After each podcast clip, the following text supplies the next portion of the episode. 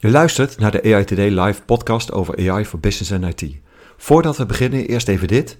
We zijn genomineerd voor de Prijs van Oranje van de Belgian Podcast Awards. We zijn super trots op deze nominatie en jij kan ons helpen om deze prijs te winnen. Luister je graag naar onze podcast? Stem dan via belgianpodcastawards.be. Alvast bedankt. Hoi, leuk dat je weer luistert naar een nieuwe aflevering van de AI Today Live podcast.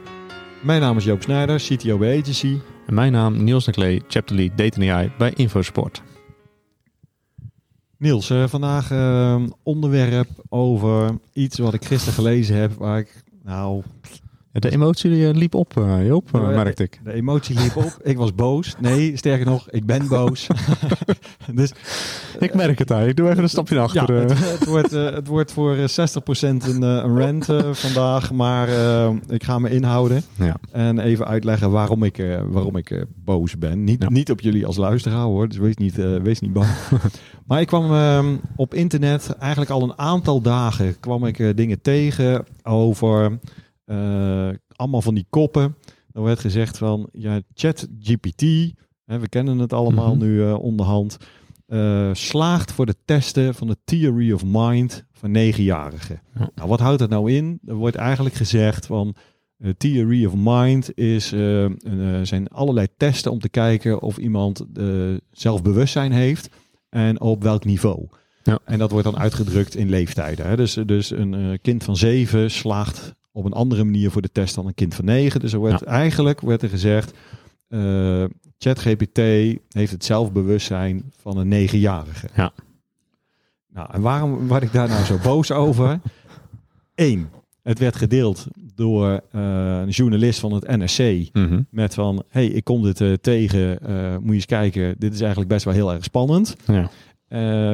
en omdat het zo, nee, het is niet zogenaamd, het gebaseerd is op wetenschappelijk onderzoek die gepubliceerd is in een paper. Ja. Waardoor het ook onderbouwd en beargumenteerd lijkt. Ja. En daar werd ik namelijk zo boos over. Want ik denk, nou, dan ben ik wel eens heel erg benieuwd naar dat paper, van wat het dan doet. En, uh, of wat het dan schrijft en waarom zij vinden uh, dat, dat het een zelfbewustzijn heeft van een negenjarige. Weet je, Ja. het is, uiteindelijk hebben we het over een taalmodel die woord voor woord dingen voorspelt op basis van wiskunde. Ja. Hè, dus dat... Uh, Maar eh, kan je de luisteraars een beetje meenemen door, door de paper heen? eh? nou, ik wil eigenlijk Ja? eerst even beginnen met, met die theo theory, theory, of mind. ja, theory of dat, mind, dat, dat, ja. we, dat we die even echt heel, heel goed hebben staan. eh. Zeker. Dus de theory of mind verwijst naar het menselijk vermogen om te begrijpen dat andere levende wezens intenties, gedachten en gevoelens hebben ja. die anders kunnen zijn dan die van jezelf. Ja. Dus dat is een belangrijk eh, onderdeel eruit. En het is een belangrijk vermogen omdat het de basis legt voor empathie en het kunnen voorspellen wat anderen zouden kunnen doen. Mhm. Dat is de reden waarom mensen goed zijn in samenwerking, communicatie en bedrog. Ja. Eh, het is in wezen een vorm van zelfbewustzijn. Dat is eigenlijk wat ze meten. Nou, Ja. Dat is eh, heel theoretisch. Hè? Ja. Nou, daar heb je allerlei verschillende testen voor. Mhm. En eh, een van die testen is de Sally-Ann-test. Ja. Noemen ze dat. Nou, wat is die test nou? Is dat, eh, het is ook een heel klassiek experiment. Dat is belangrijk. Daar kom ik zo direct op terug. Mhm. Eh, die ze aan kinderen voorleggen, deze test. En op basis van hoe ze antwoorden, wordt dan die zelfbewustzijn gemeten. En zo zijn er een x-aantal van dit soort testen. Mhm. Ehm, de Sally-N-test is gebaseerd op een eenvoudig verhaal met twee personages. Sally en N. en een knikker. Niet vergeten. Nee. Ook de knikker. Sally en, en een knikker. Het verhaal gaat zo. Sally stopt haar knikker in haar mand en gaat weg. Ja. Terwijl ze weg is, pakt N de knikker en stopt hem in een doos. Als Sally terugkomt, zoekt ze haar knikker.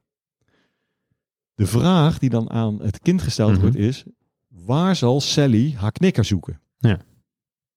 Wat zou jouw antwoord zijn? Dus Sally stopt haar knikker in haar, in, een, in haar mand en gaat weg. En N die pakt die knikker weg en die stopt hem in een doos. Nou ja, waar ze hem het laatst gelaten heeft, hoop ik. De mand. Precies.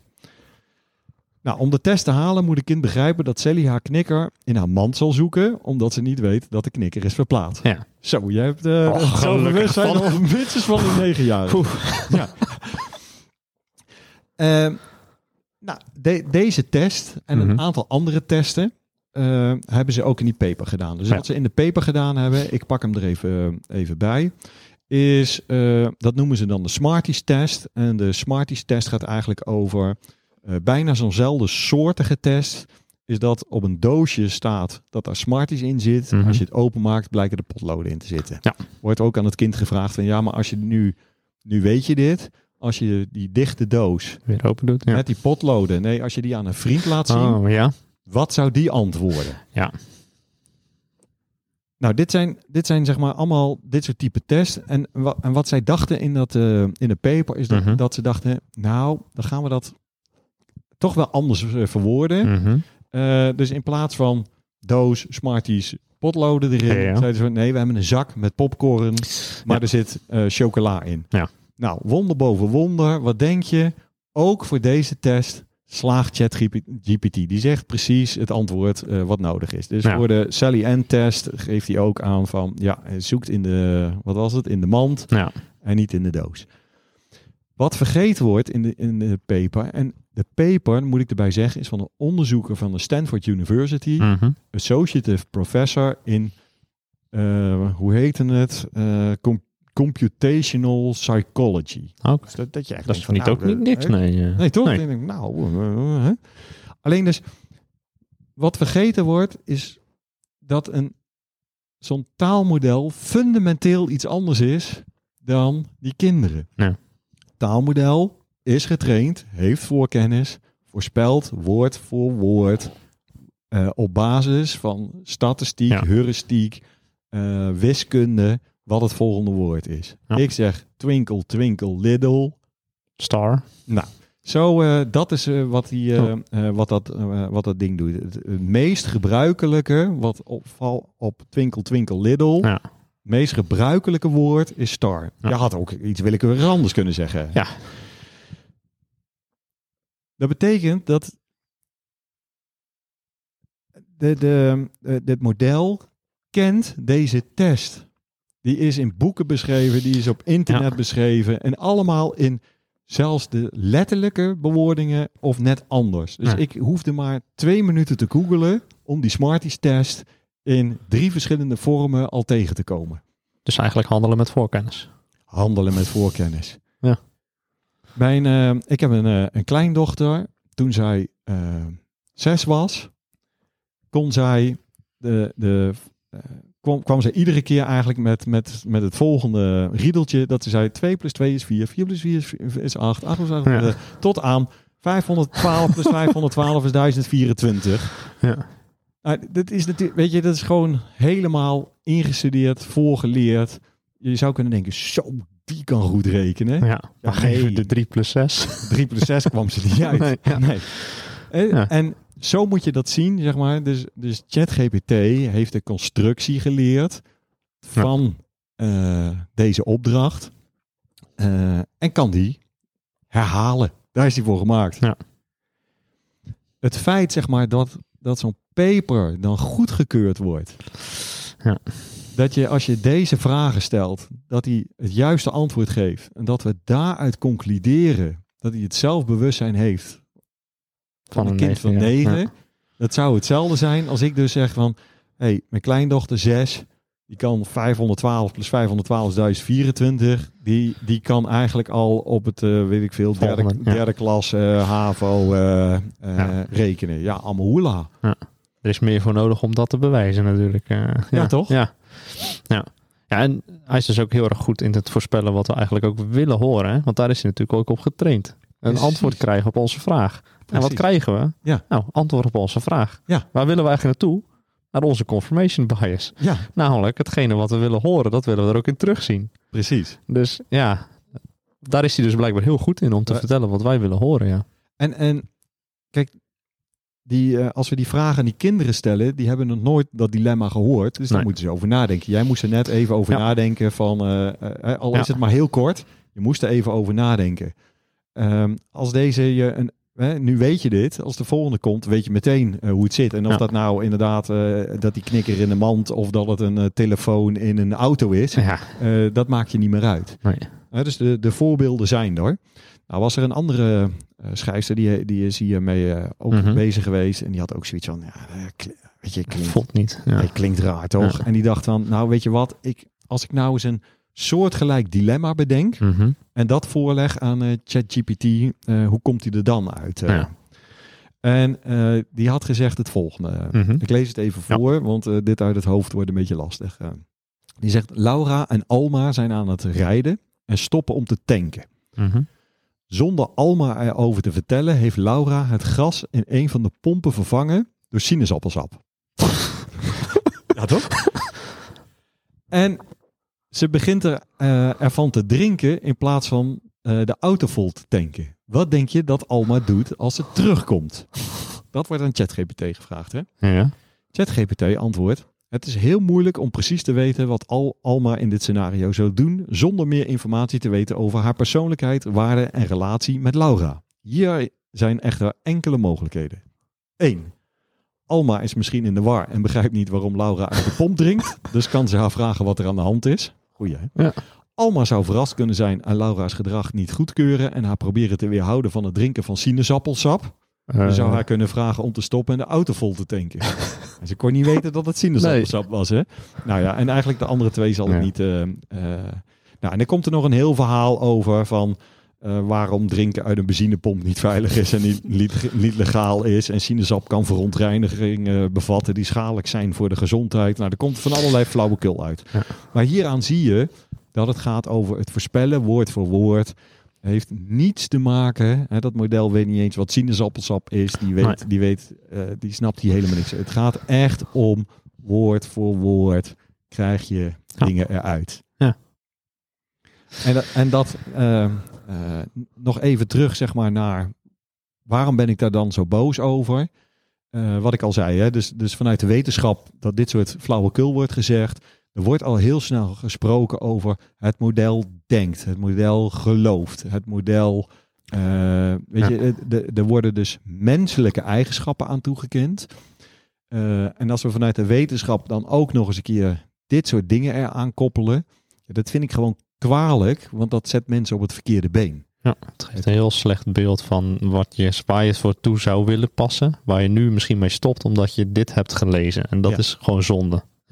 En, en het, het prikkelt weer, eh, het overprikkelt de fantasie van wat het kan, welke gevaren het oplevert. Eh, ja, het kan zo direct eh, eh, zelfstandig een, een essay schrijven, waardoor je misschien een voldoende krijgt op je, op je rapport hè, Ja. op de middelbare school.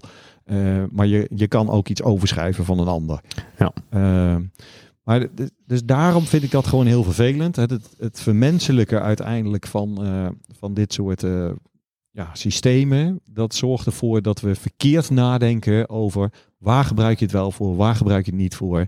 Eh, wat is wel ethisch, wat is niet ethisch. Eh, maar het heeft niets te maken met een zelfbewustzijn. Nee. Niets. Het zit natuurlijk ook in de bewoording. Hè? Het stukje geloof, het stukje verwacht. Eh, in de bewoording die we zelf als mens ook gebruiken, die neemt het model natuurlijk over. Waardoor we dat gevoel krijgen. Eh, ja, wat er eigenlijk net ook eh, werd toegelicht. Ja. En als je kijkt, hè, de- als, als we teruggaan naar die, naar die theory of mind, Mhm. gaat het over, ik zal het er nog even bij pakken, hè, dat gaat over ehm, nieuwsgierigheid, dat gaat over dingen begrijpen, dat gaat over overtuigingen, eh, Ja. weet je, de- het hebben van empathie. Ehm, ja, daar hebben we het hier niet over. Nee. Het, het is het resultaat van, ik zeg nogmaals, hè, misschien tot vervelend toe, maar dan kan je dat in ieder geval eh, herhalen. Eh, het is allemaal op basis van wiskunde. Ja. ChatGPT heeft geen verstand. Het is gewoon een machine learning model. Het wil niets. Het heeft geen inherente nieuwsgierigheid. Eh, ja, het heeft, het, heeft, het heeft niets met de manier van denken te maken zoals wij dat als mensen eh, hebben. Ja, en dan ga ik toch even vervelend zijn, Joop. Het is ook niet, niet dat het eh, wetenschappelijk eh, goedgekeurd wordt. Daar deel ik je standpunt. Het is wel goed dat mensen ook vanuit een ander perspectief kijken naar wat ermee zou kunnen in de toekomst, of wat ermee zou kunnen gebeuren, om ook de negatieve side wel mee te nemen. Maar nu wordt het wel vergroot, waardoor daar te veel aandacht op ligt. En eigenlijk weer een nieuwe mistwolk, waar we net een beetje met elkaar uit zitten gaan komen over de demystifying van AI. is er nu weer een extra mistwolk die er nu bij komt. eh, voor hetgene waar we het echt willen inzetten en toepassen. Nee, maar juist als je het vanuit verschillende hoeken Mhm. benadert. Hè, tuurlijk, hè, we, we hebben het in deze podcast ook over. Hè, van eh, de ethiek die erbij komt kijken. De bias. Wat zou dit voor gebruikers betekenen? Wat als je ehm, zo schrijft dat het menselijk lijkt. Wat betekent dat voor de ontvanger? Ja. Vind ik allemaal super, super, super Zeker. belangrijk. Ja. Want daar moeten we ook naar kijken. Maar als je zeg maar vanuit de wetenschap Ja. gaat zeggen. Ja, maar omdat nu deze test geslaagd is, zien we het als het zelfbewustzijn van een negenjarige kind. Nee, want dan ga je daar, als je, als je dat vindt dat dat aangetoond is, dan ga je juist op die belangrijke onderdelen, ga je dus de Mhm. verkeerde keuzes maken en ga je, ja, dan, dan baseer je dus niet op wat er werkelijk, werkelijk is. Hè? Dus je, je, je fundament voor je besluiten, die klopt niet. Nee. Nee, maar daarom, dus wat ik ook mee mee zeg, is dat we wel die andere perspectieven wel moeten blijven doen. Van waarvoor is het getraind? Hoe gaan we het gebruiken? Wat is de ethische waarde ervan? Precies. Die moeten wel blijven voeren. Ja. Eh, want dat maakt het als een geheel oplossing wel echt eh, meer de moeite waard. Ja, maar daar zit dus die irritatie. Ja, nee, ik, ik voel hem, ik voel hem bij je. Ik voel hem. Ja, juist omdat dat zo belangrijk is. Weet je, dan leg je geen fundament, maar dan maak je dus eh, besluiten op basis van eh, drijfzand. Ja. ja, dat moeten we niet hebben. Nee. Dus ik ben echt eh, gepassioneerd over het goed en juist inzetten van deze technologie. Ook stoppen. Hè. Ik vind bijvoorbeeld ook heel goed in bij die AI Act dat, dat er op eh, ergens een streep getrokken wordt. Hè, dat ze zeggen van ja, dit is onaanvaardbaar risico, doen Inderdaad. we niet. Lekker niet doen. Hè, dus de technologie is niet heilig. Inderdaad. Maar de keuzes die je maakt, het zou toch heel erg zijn als we bijvoorbeeld in die wetgeving eh, in één keer, eh, weet je, dit, dit mee zouden nemen. Ja. Ja, dat, nee, dat, Gaat niet gebeuren hoor. Maar, nee. maar wat, wat je ziet, hè, eh, want het is, niet, het is niet op basis van één post. Ik heb dit de afgelopen week, heb ik dit eh, op allerlei populaire media, heb ik dit voorbij zien komen. Ja. Overal de kop, weet je, eh, het is zover. En eh hup, daar gaan we Het- weer. hetzelfde nu over, eh, over Bing natuurlijk. Hè? De Bing eh, preview features als chatbot naast de search. Ja. Daar zien we precies hetzelfde nu gebeuren. Dus het is nu blijkbaar weer hot om daarover te schrijven en daar de aandacht op te focussen. Terwijl op de belangrijke dingen hier de conversatie over aan te gaan. Daarom. Nou, wat we zullen doen is in ieder geval in de show notes de link opnemen. eh, toch ook gewoon naar de post van Ja. eh, Wouter van Noord van NRC, waar ik het dus volstrekt mee oneens ben. Maar misschien eh, kijk je er als luisteraar anders tegenaan. Laat ons dat ook weten, Ja. want nou, alle inzichten ben benieuwd. En we zullen ook een link delen naar de paper waar het over gaat. Ja. En ik heb ook nog, dat is wel fijn, van een van, eh, van de luisteraars al voor... eh, zeg maar Ja, kennis gehad en we al gediscussieerd hebben op LinkedIn hierover. Een paper die ook helemaal de vloer aanveegt met het vermenselijken van eh, ja, large language models zoals ChatGPT. ja, even weer een demystifying daarvan. Ja. Precies. Leuk dat je weer luisterde naar een aflevering van AI Today Live. Ben je het hardgrondig met ons oneens? Dat zouden we heel erg leuk vinden. Laat het dan ons weten. We zijn heel makkelijk te vinden via LinkedIn eh, of eh, waar dan ook. Eh, laat ons weten als je te gast wil zijn. We zijn altijd op zoek naar interessante gesprekken. En vergeet niet je te abonneren in de favoriete podcast app.